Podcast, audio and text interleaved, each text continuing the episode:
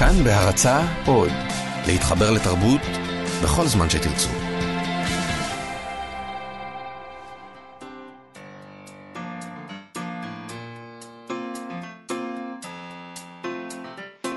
מה שכרוך עם יובל אביבי ומה יעשה לה. שלום, אנחנו מה שכרוך, מגזין הספרות היומי של כאן תרבות. כמו כל יום, 12, אנחנו כאן. ניתן להזין לנו ב-104.9, 105.3 FM, באתר האינטרנט של כאן או באפליקציה כאן אודי. שמת לב שאני מקריא את זה כמו שאת הקראת? פעם הייתי אומר כאן אודי, או כאן עוד. לא, אני המצאתי פה משהו, כאן תקשיב. אה, אודי. בעמוד הפודקאסטים אפשר למצוא את כל התוכניות שלנו ואת שאר התוכניות המעולות של כאן תרבות. אה, איתנו באולפן שירי לב-ארי, עפרה לחמי, מיטל כהן ומשה מושקוביץ. שלום לכם ושלום מאיה. שלום יובל, בוא נזכיר שאפשר לשלוח לנו מסרונים בטלפון 055-966-3992, 055-966-3992, נשמח לקבל את ההודעות שלכם.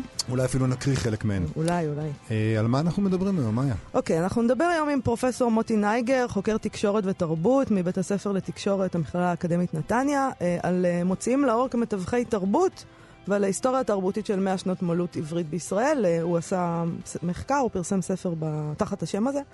אה, אנחנו נדבר גם עם פרופסור יגאל שוורץ על יצחק בן נר, הסופר יצחק בן נר. אה, נדבר גם על נד באומן וביקורת שכתבה עליו שרון קנטור בידיעות אחרונות, אה, במוסף שבעה לילות. ונדבר על אה, כתב העת דחק שיצא עכשיו, אה, דחק תשע, נכון? שמונה, חטא, חטא, סליחה. חטא. אם אני לא טועה. עכשיו אני מפקפק בעצמי, כי כשאת אומרת משהו אני חושב שזה נכון. זה הטריק שלי. נכון. אתה כנראה צודק, אבל... בואי נתחיל עם מה שמעסיק אותנו היום. אוקיי. קודם כל, צריך לציין את זה, דוקטור ספנסר ג'ונסון, המחבר האמריקני של רב המכר מי הזיז את הגבינה שלי, שזה אחד מסוג, מסוג הספרים שאנחנו בדרך כלל לא עוסקים בהם פה. נכון, ספרי עזרה עצמית. ספרי עזרה עצמית. שמתי לב שאמרת מחבר ולא סופר, וזה יפה. מחבר. חבר. ספנסר ג'ונסון, אה, הוא הלך- כתב את מי הזיז את הגבינה שלי. כן, אה, הלך לעולמו, בגיל 77, מת. מת, הוא פשוט מת. הוא פשוט מת, היה לו אה, סרטן, אה, זה לא מצחיק, לא האופן שבו אמרת, הוא פשוט מת. אני מתנצל, לא התכוונתי להצחיק. אה, תשמעי, זה דבר רציני, זה לא קורה הרבה ש... מה היה? להשתלט על עצמך. זה לא קורה הרבה ששם של ספר הופך uh, לכזה מטבע לשון, וראוי לציין את הדבר הזה. Uh, זה ספר שמכר עשרות מיליוני עותקים uh, נכון, בכל העולם. הוציא אותו- תופעת והוא טבע. הוציא אותו בהתחלה באופן עצמאי, שזה מדהים. כלומר, אוקיי, בואי אוקיי, נעבור לדבר נוסף. תשמעי, אני רוצה לדבר על אה, רשימת רבי המכר של מוסף מקור ראשון. אה, רשימת רבי המכר זה משהו שמעסיק אותנו אה, הרבה מאוד, בגלל המעבר של מוסף ספרים לטבלת המבקרים. אבל זה במקור ראשון, במוסף שבת, מפרסמים השבוע את רשימת רבי המכר, שזה המקום האחרון שבו עדיין מפרסמים את אה, סטימצקי וצומת ספרים, וגם את החנויות הפרטיות. ויש ובחו- מצב שהתגעגענו לזה, נכון? בדיוק, בח... זה מקרה אה, מובהק שלא פייק ניוז, בניגוד למה שאת אומרת. נכון. אה, שוב פעם אני טועה. עוד פעם, עוד פעם. שוב. שוב. בכל, אה, בכל הרשימות, סטימצקי, צומת ספרים ובחנויות הפרטיות, סוס אחד נכנס לבר של דוד גרוסמן במקום הראשון. אה, שזה כמובן, כמובן, אה, בעקבות הזכייה שלו נכון. במן בוקר הבינלאומי. אז הנה לך מקרה שטבלאות רבי המכר משקפות את המציאות. אני חושב ששנינו יכולים להסכים שזה כנראה המצב. דרך אגב, גם בשבעה לילות, ששם מפרסמים רשיבת רבי מכר אה, של אה, החנויות של הפרטיות. חנויות פרטיות בלבד, אה, הוא מופיע במקום השני, אחרי גינת בר של מאיר שלו. אה, ברשימת המבקרים של הארץ הוא לעולם לא יכול היה להיות. אה, נכון, כי זה ספר שיצא לפני שלוש שנים, ושם אנחנו מבקשים מאיתנו ספרים שקראנו לאחרונה וכתבנו עליהם לאחרונה. אז כן, יש פה איזה משהו. אז אה, אני חושב, זה מקרה מעניין עכשיו, אני חושב, ממש שבועות, אה, כמה שבועות מפורסמים את טבלת המבקרים? שניים? שלושה? שבוע- שבועיים? שבועיים. אז כבר אנחנו נתקלים במקרה שבו אנחנו צריכים לשאול את עצמנו שאלות על השיטה החדשה ועל השיטה הישנה שכל כך השמצנו אותה. הנה מה אנחנו מפספסים. אבל זה קלאסי שאנחנו נשמיץ משהו ואז נתגעגע אליו, לא? בדיוק. זה פשוט קלאסיקה, זה הסטייל שלנו. זה הסטייל שלנו. אוקיי. טוב, אה, אני, אני רציתי לדבר אה, אה, על עוד דבר משבעה לילות, נכון? נכון, אני עדיין נטועה בסוף השבוע מבחינת הרשמים שלי ומבחינת מה שמעסיק אותי, מן הסתם, ורציתי לומר לך שאני מאוד מאוד התרשמתי מהאנג קאנג, הדרום קוריאנית. אה, אני מדברת על ראיון שערכה איתה איה אליה בשבעה לילות, של ידיעות אחרונות, אה, מוסף ספרים, אה, מדור ספרים שעורכת מאיה בקר. ספר שיצא לאור בחודשים האחרונים בעברית, אה, נקרא צמחונית. בהוצאת סאגה. סאגה ותרגומה. תרגומה? תרגומה של שרון שרון קרמנר. קרמנר.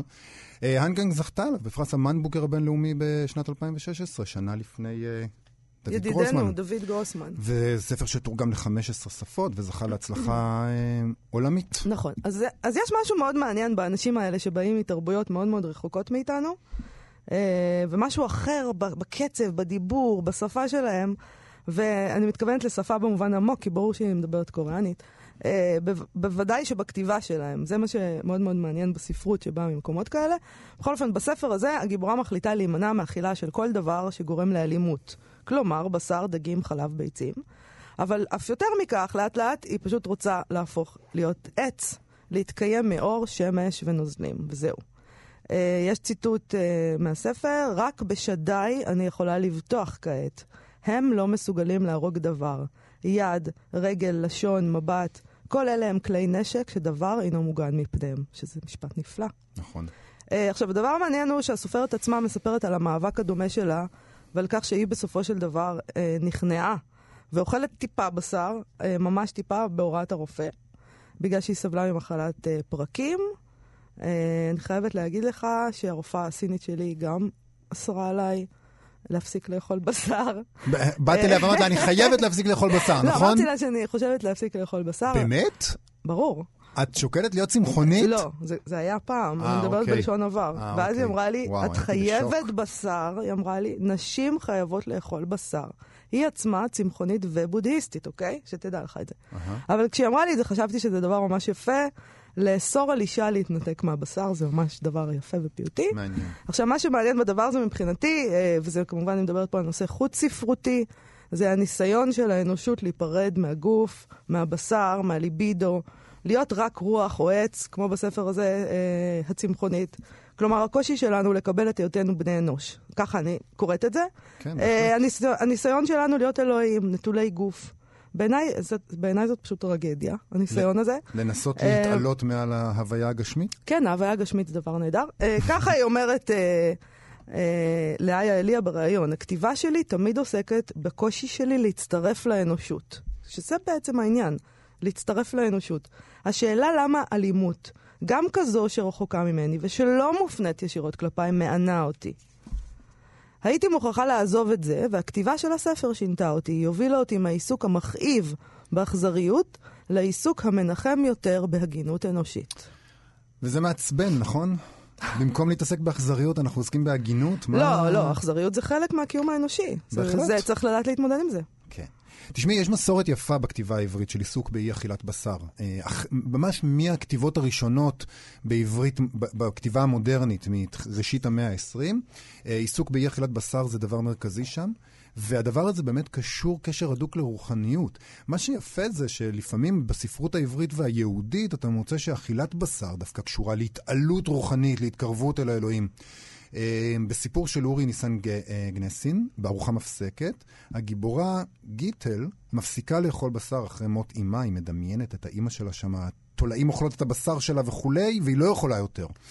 ואבא שלה מגיע אליו ומתחנן לפניה ככה: בתי היחידה, למעני נא, ערב יום כיפור, בתי היחידה, אכלי בשר. כאילו שדווקא לקראת היום הקדוש ביותר בשנה, חשוב לאכול בשר. באיזשהו אופן, אכילת הבשר בארוחה המפסקת מחליפה את הקרבת הקורבן, שכבר לא מקריבים. אה, מה שמגניב אצל גנסין זה שהוא מתוחכם מאוד, הוא אה, מציע את הצמחונות כתחלופה רוחנית לדת היהודית. אה, גיטל אמנם לא הופכת לעץ, אבל היא מדמיינת, מפנטזת איך היא הופכת לציפור. מפנטזת לרחף מעל האנושי, אני אצטט משם, זה יפה. נשקפה לה כיפת שמיים טהורה וחופשייה. שמה במרומים, כמעט אשר עין לא תשיגנה, רוחצת אחת הציפורים החופשיות בגלי התכלת החופשייה, מפלסת לנתיב וכנפיה ייסוע אל אשר יהי רוחה ללכת. נישאת ומתפללת, נישאת וגוועת, עד להיותה לאחת עם התכלת ההולכת ומתגשמת, ואין אדם לא תשורנה עוד.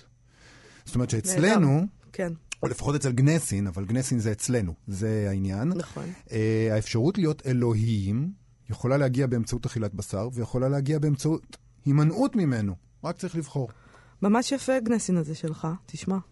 שלנו. שלנו. אה, כנראה שזה לא סתם שאני בסופו של דבר אה, מרגישה מאוד יהודייה. אה, איתנו על הקו פרופסור מוטי נייגר, חוקר תקשורת ותרבות מבית הספר לתקשורת, המכללה האקדמית נתניה. שלום מוטי. שלום, צהריים טובים. צהריים. טובים. שלום. אה, פרסמת ספר בשם מוציאים לאור כמתווכי תרבות, היסטוריה תרבותית של 100 שנות מולות עברית בישראל, 1910 עד 2010. כלומר, אתה, אתה. אתה מסמן את 1910 כשנה שבה התחילה המולות העברית עם נכון. הוצאה לאור של ברנר, של כתבי ברנר, ואת סוף העשור הראשון של המאה ה-21 כתום עידן במולות העברית, ואני הייתי רוצה להתחיל מהסוף, למה תום עידן? טוב, אה, קודם כל זה יפה 100 שנות מולות, אבל מעבר ל... נכון, זה נכון, זה מסתדר, זה עגול. אה, טוב, אם רוצים ללכת על, על מולות בעולם, אז 2010 זו הייתה השנה הראשונה שבה אה, אמזון מכרה יותר ספרים אה, אלקטרוניים, דיגיטליים, אה, יותר מאשר ספרים פיזיים.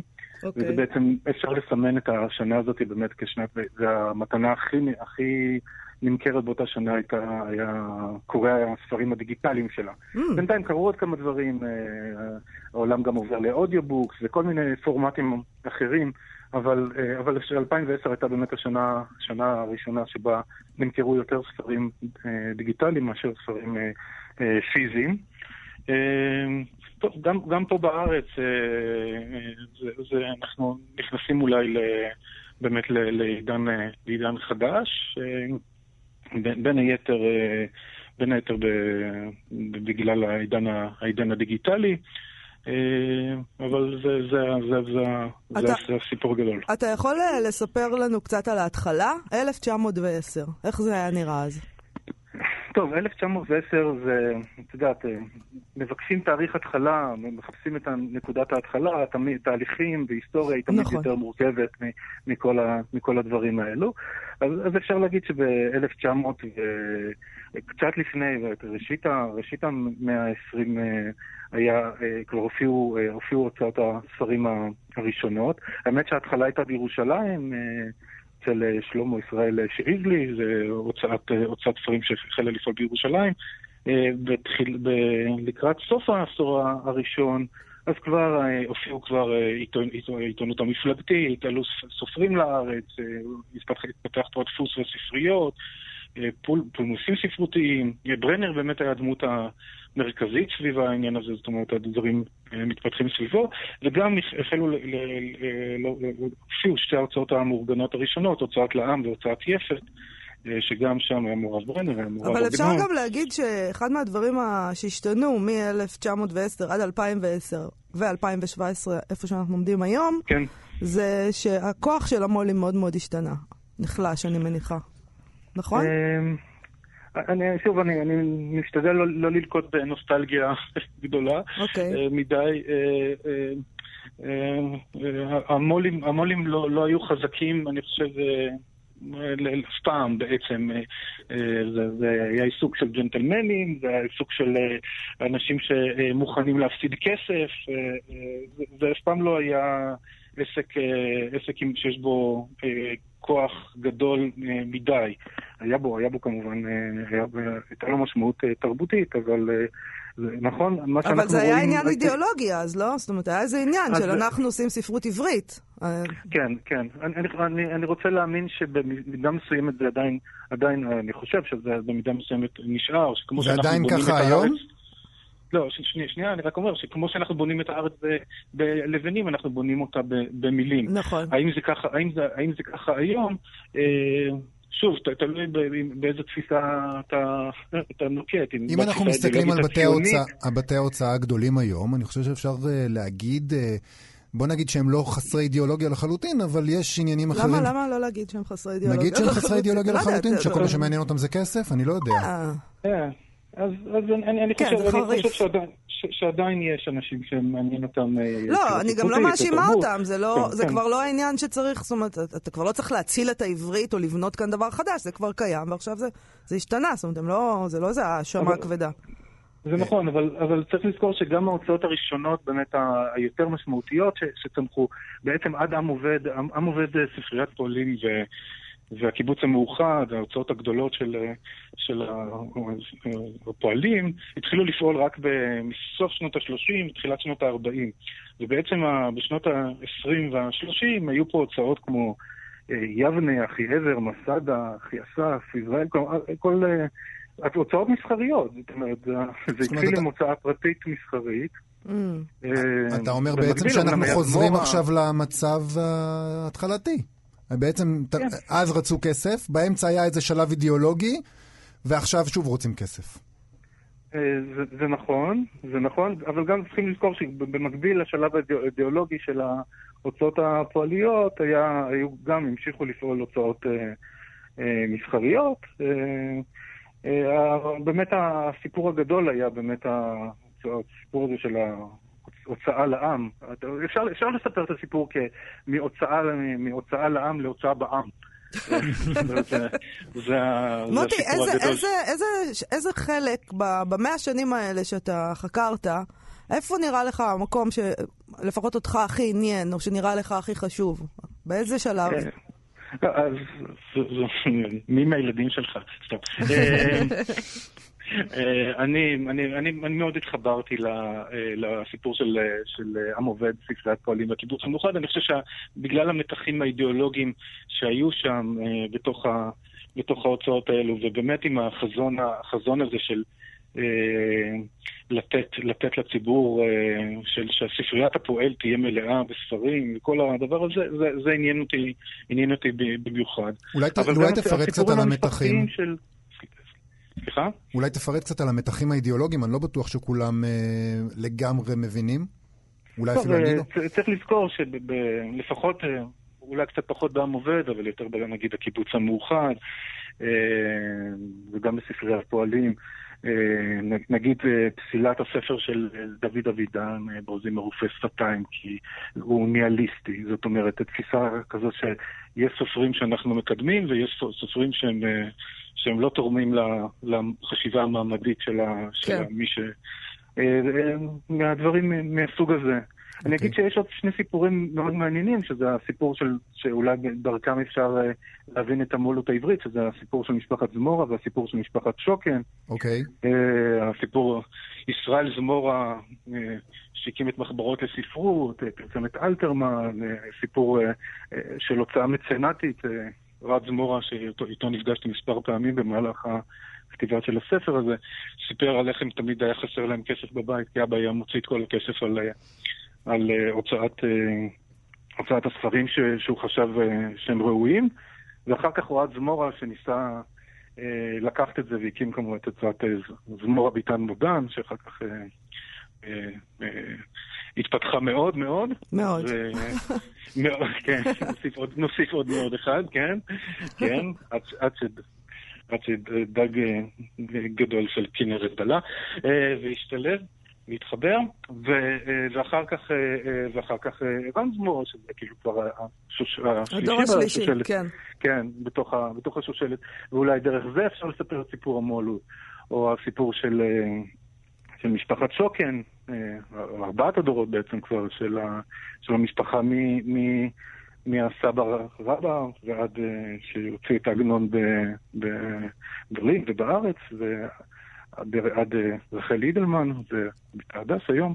אה, גם סיפור מרתק ש, שאתה מסתכל על ההתפתחות של הוצאה לאורך, אה, לאורך הדורות והשיקולים שהנחו את ההוצאה. ונראה לי שגם משפחת שוקן, נגיד, אם הם תמכו בעגנון, זה סיפור ידוע, כן. אז אני לא מניחה שיש היום סופרים שהם תומכים בהם באותו אופן. שזה מראה משהו... טוב, גם, גם בספר שלי יש, יש תמיד את השאלה מי הרוויח יותר מ... האם עגנון הרוויח יותר ממשפחת שוקן או משפחת שוקן הרוויחה יותר מ... מעגנון במובן הזה. עגנון היה מחויב תמורת התמיכה שלו גם למסור כתבי יד, הוא היה במידה מסוימת גם צמית של משפחת שוקן. זה, זה, גם, זה גם, אפשר לראות את הקשרים המורכבים האלו, זה לא רק ספרות מצנטית עד הסוף, זאת אומרת, כן. כאמור אפשר להגיד דברים טובים על, על על שוקן, אה, על שלמה זלמן שוקן, אבל, אה, אבל, זה, אבל, זה, אבל יש בצד זה, היו גם הסכמים אה, מאוד קשים ונוקשים עם היוצר. וצריך, וזה גם, גם בזה... כן, השאלה היא אם העובדה שנגיד היום לא תמצא את משפחת שוקן, או שום משפחה אחרת תומכת בשום סופר אחר, מה זה אומר? זאת אומרת, זה כבר לא נראה להם חשוב. אז יכול להיות שעגנון היה צמית של שוקן, אבל עדיין שוקן חשב שמה שעגנון עושה זה חשוב. כן. נכון. אוקיי? וצריך לעשות את זה וצריך לפרסם את זה. היום זה פשוט לא קיים הדבר הזה. כן, זה נכון, אם כי מצאו מנגנונים אחרים לתמוך בסופרים, אה, אה, שוב, אני, אני מנסה לנקות את המבט הנוסטלגי שיש לנו, אה, נגיד שסופרים ידועים עובדים באוניברסיטאות. ומקבלים כסף ציבורי תמורת, אה, כן. תמורת, תמורת זה, אז, אז במידה מסוימת תומכים בהם מבחינת המדינה. זאת אומרת... אתה, אתה, מזהה אבל, אתה מזהה אבל בכל זאת איזושהי אג'נדה שמובילה את המו"לות הנוכחית? איזושהי בכל זאת אידיאולוגיה, לא בהכרח אותה אידיאולוגיה, אבל משהו? שוב, שוב, יש את ה... אני, אני לא חושב שאפשר לדבר על אידיאולוגיה במובן ה...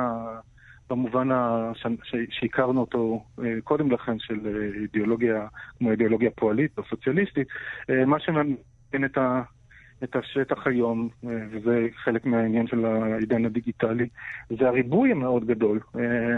עסקנו, עסקתם קודם בספר שיצא בהוצאה, בהוצאת סאגה, זה לא סוג ההוצאות שהיו... מגיעות, אה, מגיעות לפרונט בדרך אחרת. נכון. אה, ויש הוצאות, אה, יש הוצאות רבות. בעצם, וגם כל העניין הזה של היכולת להוציא בעצמך את כתבי היד. כמו שהספר הזה אגב יצא לאור, אולי נדבר על זה, נתחיל על זה משהו, אבל אז, אז, אז, אז יש, יש היום הרבה מאוד הוצאות והרבה מאוד פלורליזם בעניין, בעניין הזה. טוב, אה, אוקיי. אה, פרופסור מוטי נייגר, נגענו על קצה המזלג, ויכול להיות שעוד נמשיך. אה, אני מאוד מאוד מודה לך על השיחה הזאת. רק משפט אחד, רק משפט אחד, שמכיוון שהספר יצא בהוצאה עצמית, אפשר להוריד אותו באופן חופשי, אם תכתבו מוצאים לו כמתווכי תרבות באינטרנט שלכם. בבקשה, שזה פשוט קלאסיקה. תודה רבה. תודה רבה. להתראות. יובל, אנחנו כן. נעבור לפינת ביקורת הביקורת. כן. תשמע, אני רוצה לדבר על ביקורת שכתבה שרון קנטור בידיעות, בידיעות אחרונות, בשבעה לילות, על ספר של נד באומן, נוגה. היא לא חיבב, חיבבה את הספר הזה, אה, בלשון המעטה. Okay. אה, זה, אוקיי. מדובר בספר שיצא בעם עובד, בתרגום אה, של אמיר צוקרמן מאנגלית. Mm-hmm. אה, אני חייבת להודות שלא קראתי את הספר עדיין. אז אני לא אתווכח איתה על הדבר הזה. אני אגיד שקראתי את הספר הקודם של נד באומן, שנקרא מתאגרף חיפושית, ואני אהבתי אותו דווקא ככה שאני לא מתכוונת אה, לקבל את הביקורת שלה על עיוור, אלא לקרוא ולהחליט בעצמי. נד באומן הוא בעיניי סופר מאוד מוכשר, אבל uh, בינתיים שרון קנטור מאוד מאוד הצחיק אותי, אני חושבת שהיא כתבה דברים מאוד משעשעים על האינפנטיליות שלנו. ואחרי שראיתי בזה מין המשך לדיון שלנו, יובל, בספרות ילדים, אה, דיון שהתחלנו בשבוע שעבר. כלומר, הט... הטענה של uh, אחת מהמו"לים לספרות ילדים, שעולם הילדים ועולם המבוגרים הם אותו דבר? שלא צריך להפריד, ושל שאת מתנשאת? בדיוק, אני מתנשאת. אז שרון קנטור כותבת על הנושא הזה רק הפוך. היא כותבת על האופן בו ספרי המבוגרים הפכו להיות אינפנטיליים. וכך היא כותבת על uh, נוגה, uh, שהוא דוגמה מצוינת לבלבול שחל בשנים האחרונות במושג ספרי מבוגרים. ולמעשה מתקיים לא רק בספרים, אלא גם בסדרות טלוויזיה, סרטים, מוזיקה, סטטוסים בפייסבוק, ושאר תצורות האומנות הפופולרית, ואולי החיים עצמם. רמת הדיון, התכנים, התהליכים, כולם אינפנטיליים ברמת ילדי גן, ומה ששם יצירות אלו על מדף המבוגרים הוא פשוט סקס. או אלימות, או טרור, או כל מה שנחשב מטונף או אסור בתרבות נאו-צדקנית ופסאודו-ליברלית. ניקוי של כל אלה מגלה, כאמור, יצירות שנועדו לאנשים כמו אלו שכתבו אותן, ילדודס עם זקפה וכרטיס אשראי. אני, אני אוהב את המשפט הזה. כמובן. אבל זה מעניין שהדרך שבה היא מתארת את זה, ישר מכוונת לגברים. לא שלנשים אין כרטיסי אשראי, אבל כשהיא אומרת זקפה וכרטיס אשראי... או זקפה, כן. תודה. אוקיי. Uh, אני לא כל כך משוכנע בקשר לנחרצות הזאת של הכולם שהיא משתמשת uh, בה. אה, אבל אני בהחלט יכול לחשוב על כמה ספרים שמתאימים לתיאוריה שלה. איך שהיא כתבה את זה הזכיר לי את אה, סיפור אהבה אמיתי עצוב במיוחד של גרי שטיינגרד, שמתאר איזה מין עולם עתידני מפגר במיוחד, שבאמת מאוד עסוק ב... בסקס ובכסף ובדירוגים פומביים של השניים. וזה הזכיר לי קצת באינפנטיליות של הדיסטופיה שלו את הדביליות של סדרת הטלוויזיה שכולם אהבו, אה, מראה שחורה, שאני באמת לא מצליח להבין מה התלהבו ממנה. מצד שני, אני חושב ששרון קנטור קצת מתבלבלת בין תרבות פופולרית ליצירה בכלל. המכנה המשותף, מה לעשות, הוא ממוצע, הוא לא גבוה בטירוף, ועל כן אה, דברים שמצליחים מאוד ונעשים תופעה תרבותית רחבה, הם כנראה ברמה נמוכה יותר מזו של העשירון האינטלקטואלי הראשון ששרון קנטור מקווה לו. אה, את זוכרת שהקראנו פה לא, לא מזמן את, ה, את הרשימת ההשאלות מהספריות? בשבוע הספר הקראנו את זה. כן. לא הייתה לנו תחושה של אנחנו יותר טובים מזה. הייתה לנו תחושה של אנחנו טוב. מנותקים מהציבור. תשמע, תשמע, אני חושבת שאתה עושה לעצמך פה הנחה מאוד מאוד גדולה. אני חושבת שהאינפנטיליזציה לא פוסחת על מה שאתה קורא לו העשירון האינטלקטואלי הראשון.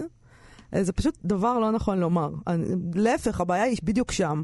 זה לא נכון לא לגבי סופרים, ובטח שלא לגבי מדורי הספרות, גם אלה שנחשבו פעם הכי גבוהי מצח, קח את תרבות וספרות של הארץ למשל. אינפנטילי? אה, הרי אה, בני ציפר הוא ממש התגלמות האדם שמתעקש לא להיות המבוגר האחראי, מתעקש לא להיות מאחורי הקלעים כמו מבוגר אחראי וכמו שהתפקיד שלו דורש.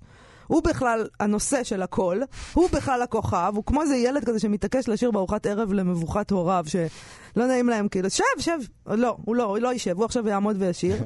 אה, יש סצנה כזאת אה, מאוד יפה בסרט של ארתור פן מלפני איזה 40 שנה, אני חושבת, שקראו לו בעברית ג'ורג'יה ובאנגלית Four Friends. אה, הגיבורה ג'ורג'יה שם, קורים שם כל מיני דברים מאוד מאוד דרמטיים בסרט, ויש איזה רגע שהגיבורה אומרת שנמאס לה להיות צעירה, שהיא כל כך עייפה מלהיות צעירה, שכולם רוצים להיות צעירים, ונמאס לה מזה. ובאמת, יובל, זה דבר נורא פתטי, אנחנו נורא עלובים. זה כבר יצא מאזורי הלהיראות צעיר, והפך להיות התאפשות כוללת, עזיבה גמורה של המושכות, כי רק מבוגרים הרי אוחזים במושכות. איזה מין תחושה כזאת שיש, שאת הידע צריך להסתיר. כמובן זה אה, שרת תרבות אה, שאומר- שבזה לאליטות ולידע וזה, היא תורמת לכך. אה, צריך להסתיר את הידע, צריך להסתיר את הניסיון, שום דבר בכלל לא רציני, הכל זה רק משחק וצחוקים, ולדבר ברצינות זה פדיחה. הכי טוב בעולם זה להיות קלולס, להיות טמבלול כזה שהרגע בקע מהביצה. זה עלוב, מצטערת. צריך לומר שאת הדברים האלה שאת אומרת היום, כתב בדיוק לפני 20 שנה, ב-1997, גדי טאו בספר וואו, המרד ההשוואה השפוף. כל כך מחמיאה, כן. תשמעי, אה, המרד השפוף זה ספר שכל מי שמתעסק בתרבות צריך לקרוא, בגלל שהוא מדבר בדיוק על זה, על המפנה של הדור שלנו, שלנו. לא של אה, אלה שמתחתנו וגם לא אלה שמעלינו, להפחית במשמעות כדי לא להיות המבוגר האחראי, בדיוק כמו שאת מתארת. נכון. ושוב, דווקא אה, אה, אי נטילת המושכות הזאת הובילה לכמה יצירות יפות שאנחנו אוהבים. אדגר קרת למשל. האם שרון קנטור הייתה אומרת עליו שהוא אינפנטיל? שהסיפורים שלו נועדו לבעלי זקפה עם כרטיס אשראי? ידידי, יובל, אדגר קרת כותב ברצינות את מה שהוא כותב, ואם יש משהו שאי אפשר לומר על הספרות שלו, זה שהיא מיועדת לבעלי זקפה עם כרטיס אשראי. היא לא. מאיה, כן. אנחנו מדברים אה, אה, על הקו, נמצא איתנו פרופסור אה, יגאל שוורץ, העורך הראשי של אה, הוצאת כנרת זמורה ביטן דביר, וראש מכון הקשרים לחקר התרבות העברית והישראלית באוניברסיטת בן גוריון. שלום יגאל. יגאל לא איתנו? זה אמרת, כן. אני עוד בהשפעת השיר, כן.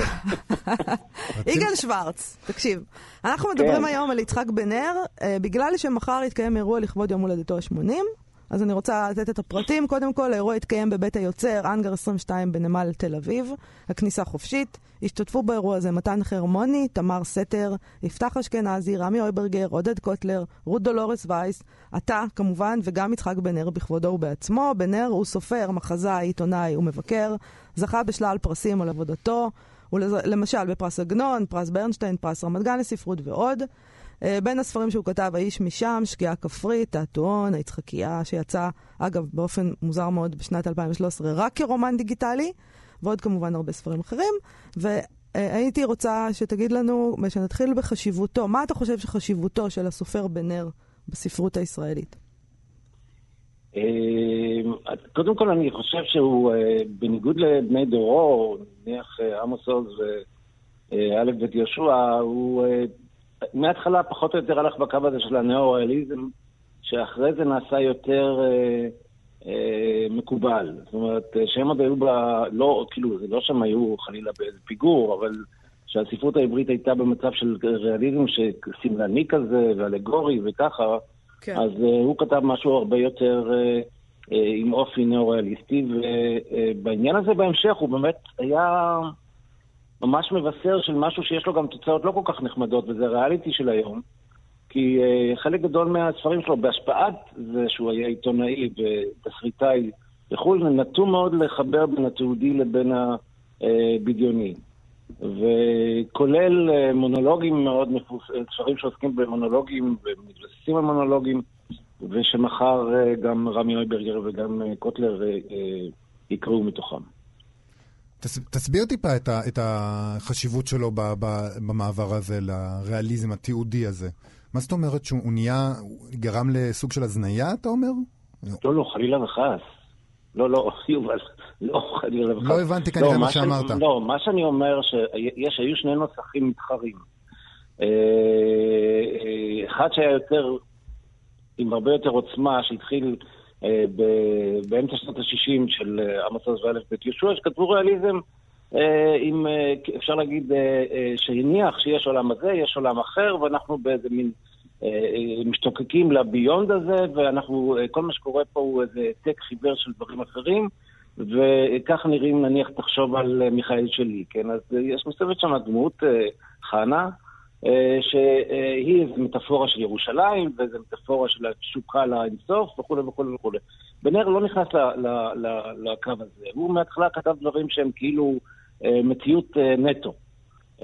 וכמובן לא נקייה מסממנים פיוטיים, אבל דברים שיותר היו, נצמדו לפוליטיקה, להוויה הבסיסית. זה התחיל אמנם בסיפורים שקשורים יותר ב... במושב שהוא גדל פה וכו', וככה בשקיעה כפרית, אבל אחר כך, אה, כשזה הגיע לשיא בתיאטרון ובוקר של שוטים ובספרים כאלה, הוא כתב דברים שהם דרמה אה, הובאית, אפשר לקרוא לזה כך, מגמה שאחרי זה גם נכנסה לתיאטרון, אה, בעקבות נולד שלטון וככה. יגאל, בנר הוא כן. יליד כפר יהושע, הוא אחד כן. הכותבים של ההתיישבות העובדת, שנבעטת היום מכל כיוון בעצם. נכון? עכשיו תראו, יש פה משהו שאני רוצה ש... שלא תגידו שאני אומר פה משהו לא לשבח. אוקיי. אבל אם, אם אני צריך להגיד משהו ככה בזהירות, וזה מתחבר לדברים שהובל, זה... אני חושב שיש משהו אה, שאצל בנר מההתחלה, שהוא כתב איזה שילוב של אה, אה, סיפורי מתח אה, ו, ומשהו פוליטי, שהצביע על פרנויה מאוד מוקדמת של ההתיישבות העובדת הזאת שאת מדברת עליה, ביחס למה שעתיד לקרוא לה. זאת אומרת, הוא, הוא, הוא כאילו ניבא את המהלך הזה. אז אולי זה לא אה, פרנויה, אולי הוא ראה איזה משהו שאנשים אז לא ראו. כן, כי הם הרגישו נכון. מאוד חזקים וזה, נכון. ופתאום הוא בעצם כתב את מה שהולך לקרות. נכון, הוא כתב את מה שהולך לקרות, והוא כתב את זה... אני מוכרח להגיד משהו כעורך. כן. זאת אומרת, אני, אה, אה, אה, אני חושב, וזה אני אומר באמת בלב שלם, וזה קשור לעניין הזה של המבנה הבלשי ולפרנויה במרכאות. אני לא מכיר אף סופר שמעולל עלילות יותר טוב מבנר. וואו, אמירה רצינית. כן. חד משמעית. ואיך אני יודע? משום שאם אני נניח ערכתי את בוקר של שוטים, או את התואר, לא חשוב, או דובים, לא משנה, ברגע שאתה מוריד לו תואר, אין שום בעיה. ברגע שהוא נכנס לגיבור להגיגים, אז יכול להיות שהגיגים חלקם...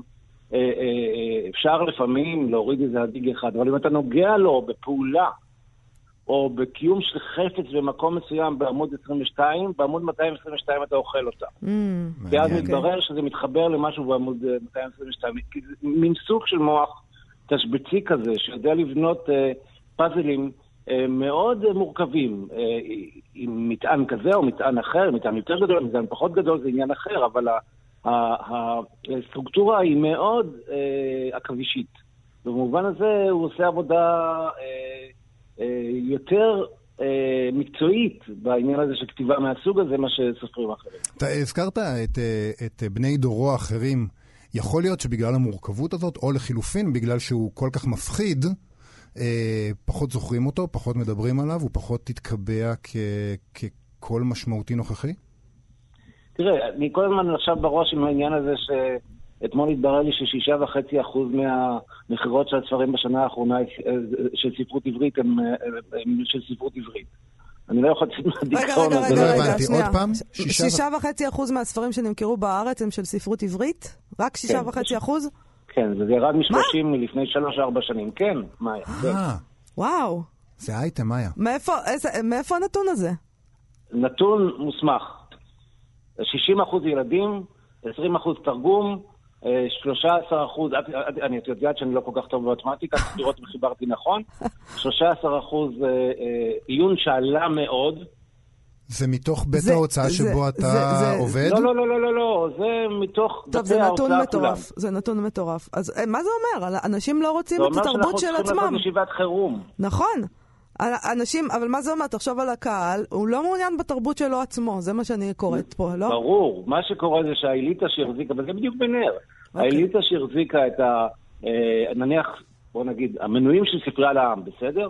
כן. או שהם כבר לא חיים, אלה שקיבלו את הספרים, או שהם מרגישים שלקחו להם את המדינה, ואז מה שהם קוראים היום זה תרגום. ולא רק שהם קוראים תרגום, הם גם קוראים תרגום מאוד מצחיק מבחינתי, מצחיק עצוב, שחלק גדול ממנו, תסתכלו מה עושות ההוצאות הקטנות, זה תרגום של יהודים אה, ממרכז אירופה אה, אה, מתבוללים. זה נורא מעניין. Mm. זה- סטפן זה באמת מעניין. אלפרד דבלין, זה מה שהולך היום בזיקית, תשע נשמות, תסתכלו מה הם מוציאים. חלק גדול מהדברים האלה... אז הם הולכים ליהודים המתבוללים, זה מה שאתה אומר כן. בעצם. אני אומר את זה בזהירות, אבל עם כל התוקף הקטן שיש לי להגיד את זה, וזה, בעיניי זה אסון. זאת אומרת, זה פשוט אסון. ובנר הוא חלק מאותו עניין שעסק ב, בציונות ובהתיישבות העובדת, והספרים האחרונים שלו הם כולם ספרים של הרגשה ש, שהכל מתפורר והכל הולך לאיבוד. וה, והדבר האחרון שקוראים, אה, רוצים לשמוע מאלה ש, שהיו הבסיס החזק של קוראי הספרות העברית, הם מעדיפים אה, לקרוא אה, רומן נורבגי. נכון, שיהיה להם כיף. אין לי שום דבר נגד נורבגים, אבל אם הציבור החילוני בארץ לא יקרא, הרי מה מחבר אותי ואותך ואת יובל, אני חושב, למקום הזה? אולי קצת ריחות וטעמים, אבל ספרות עברית. אנחנו לא, דתיים יש להם עניין אחר. אם לא יהיה לנו ספרות עברית, לא יודע מה אנחנו עושים פה. טוב, אה, אני... דרך אגב, אני רוצה להגיד לכם, אני מוכרח לנצל את השיחה הקצרה הזאת. בבקשה. קרוב מאוד לוודאי, עד כמה שאני יודע, שבשנה הבאה אין חוג לספרות עברית באוניברסיטה העברית בירושלים. אה, אתה חושב שהוא ייסגר? הוא עומד להיסגר? לך מה אתה אומר על זה? תבדקו. אוקיי, נתנו לנו פה... אה, תארו לעצמכם טיפ? שבסורבון לא יהיה חוג לספרות צרפתית. אה, אתה מפיל דכדוך על האולפן. אה, דכדוך זה לא הנקודה, לא הנקודה היא לבדוק את זה. חדשות. אף אנחנו פעם לא נבדוק חשבתי את זה. שאני אביא חדשות לאולפן. לא, אבל- בואו נתקשר לראש החוג, אה, מחר נתקשר לראש החוג לספרות אה, באוניברסיטת אני, באוניברסיטה העברית אה, בירושלים, ואנחנו נשאל אותו. פרופסור יגאל שוורץ. אני מאוד מאוד מודה לך. אה, אני יוצאת מכאן עם ה, בעיקר עם הכותרת הזאת שאתה מציע לעשות ישיבת חירום, ויכול להיות שהישיבה הזאת מתחילה מחר אה, באירוע של יצחק בן נר, מקווים. ואני מציעה לאנשים אה, ללכת לשם לראות, אה, להשתתף בישיבה רבה הזאת. לכם. תודה, תודה יגאל, רבה. להתראות. להתראות. טוב, אה, זה דברים רציניים מאוד שאנחנו בהחלט אה, נבדוק. אה, אה, נעבור מהר. אתה יודע, אני, אני חייבת לדבר, רק להגיד משהו על אה, פרופסור שוורץ, שכרגע אמר לנו שהחוג לספרות בירושלים. כנראה עומד להיסגר, לא יהיה... והממשלה נורא מתעקשת על כל מיני דברים שיהיו בירושלים, כל מיני מוסדות, מהמם. למשל מוסדות שידור, כלשהם. כלשהם. אז, אז לא אכפת להם שיהיה, נגיד, ספרות ילמדו רק בתל אביב, אז מה את כאילו. חושבת, שהמדינה צריכה... אז אה, זה מדינה, זה אוניברסיטה. מה זה, זה, זה גוף פרטי? כאילו, מה? אבל מה? אם הסטודנטים לא באים, מה, יקי- יקיימו הנשמה מפה לפה, אם החוג היה כמו? שצריך, הסטודנטים היו באים. יאללה, אז- קדימה, יאללה. בוא, אנחנו נבדוק את זה. אה, לא נעשה עוול אה, ליהודה ויזן.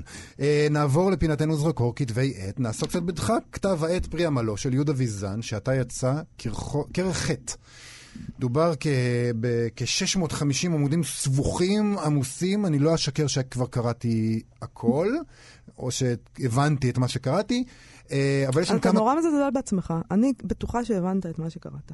יש שם כל מיני מחשבה פוליטית. אני. הבנתי את מה שקראת. זה בטוח. אה, טוב, בואי נזדרז. יש שם כמה קטעים שפשוט אה, נראים לי מתאימים לדברים ששוחחנו עליהם היום. למשל, קטע של אה, אלבר קאמי על אלוהים המשוחח עם אה, נפשו. דיברנו על הצורך להתנתק מהגופני ולעבור uh, לרוחני, אז אלוהים של קמי חושב קצת אחרת. הוא אומר כך, uh, בתרגום, uh, מ, בתרגום מקרא, מדחק חטא, אלוהים. אך, אילו היה מישהו מעליי שהייתי יכול לסגוד לו, מישהו שיכולתי להאמין בו, מה שמכרסם בי זו העובדה שאין לי למה להתמסר. רק האהבה ניצבת מולי. אבל איך אוכל להתמסר לדבר הנחות ממני לאין ארוך? מה ביקשתי? מישהו מעליי. כדי שאוכל להתמסר. אך אבוי, אני אלוהים, אני יודע שאין שום דבר מעליי. אין לי לאן לשאת עיניים. אה, אני מריח ריחות מסואבים נבלעים בריח בשר חרוך. מאושר האדם המסוגל להאמין. מאושר האדם שבאפשרותו להתמסר, להתפלל, להתייפח, לסבול ביעילות. הסבל שלי אינו מועיל בדבר. אלא אם אני מישהו אחר. אולי אינני אלוהים. אולי אני אדם בדיוק כמו כולם. אה, הגאווה שלי נפגעת לנוכח המחשבה הזו. מה לעשות? במה להאמין? אין כלום. אני עומד לספר זאת לבני האדם. אני רוצה לראות אותם סובלים גם כן. אין כלום! אתם לא צריכים להאמין יותר. אתם לא צריכים לקוות יותר. אני משליך את הביטחון והוודאות שלכם לריק. קבלו זאת, הפכו זאת לשמלה והניחו לכפלים להישמט מטה בחן. וצעדו קדימה, היו גאים, גאים על היותכם ראשונים. טוב, זה גאונות. זה נפלא, זה נכון? טקסט אדיר. כן. יש לנו זמן פשוט. להקריא עוד משהו קטן מהר. קטן. מיד אחריו מופיע טקסט של פלנרי אוקונור, תפילה, שנכללה ביומן התפילות שהיא כתבה בסוף שנות ה-40, והנה מה שתפס אותי. אני מפחד את הו אלוהים לאבד את אמונתי. שכלי אינו חזק, והוא כטרף קל למיני אחיזות עיניים אינטלקטואליות. איני רוצה שיהיה זה הפחד שישאירני בכנסייה. אני לא רוצה להיות פחדנית שנשארת איתך כי היא מפחדת מגיהנום. אבל אני מאמינה בגיהנום. הגיהנום נראה לי מתאים יותר, בר ביצוע יותר לשכלי החלש מאשר גן העדן. בלי ספק משום שהגיהנום נדמה כדבר ארצי יותר. אני יכולה לדמיין את עינוייהם של הארורים, אך איני יכולה לדמיין נשמות מחוסרות גוף, נתונות אצל אבני הבדולח, ומשבחות את שם שמיים לעלמי עלמיה. אדיר. אדיר. אדיר, אדיר. אוקיי. נראה לי אנחנו עוד אה, אנחנו נדבר נדבר חג, כי יש שם עוד כמה דברים ש... אבל אה, זמננו תם, יובל, נכון. מה אפשר לעשות? סיימנו להיום. אנחנו אה, כאן מראשון עד רביעי, 12 עד 1, 104.9 או 105.3 FM, באתר האינטרנט של כאן, או באפליקציה כאן אודי. בעמוד הפודקאסטים אפשר גם למצוא אותנו, אה, את כל התוכנית הזאת ואת כל שאר התוכניות. אה, תודה לעופרה לחמי, שירי לב-ארי. משה משה מושקוביץ. ומיטל כהן, אנחנו uh, נתראה כאן גם מחר. בהחלט.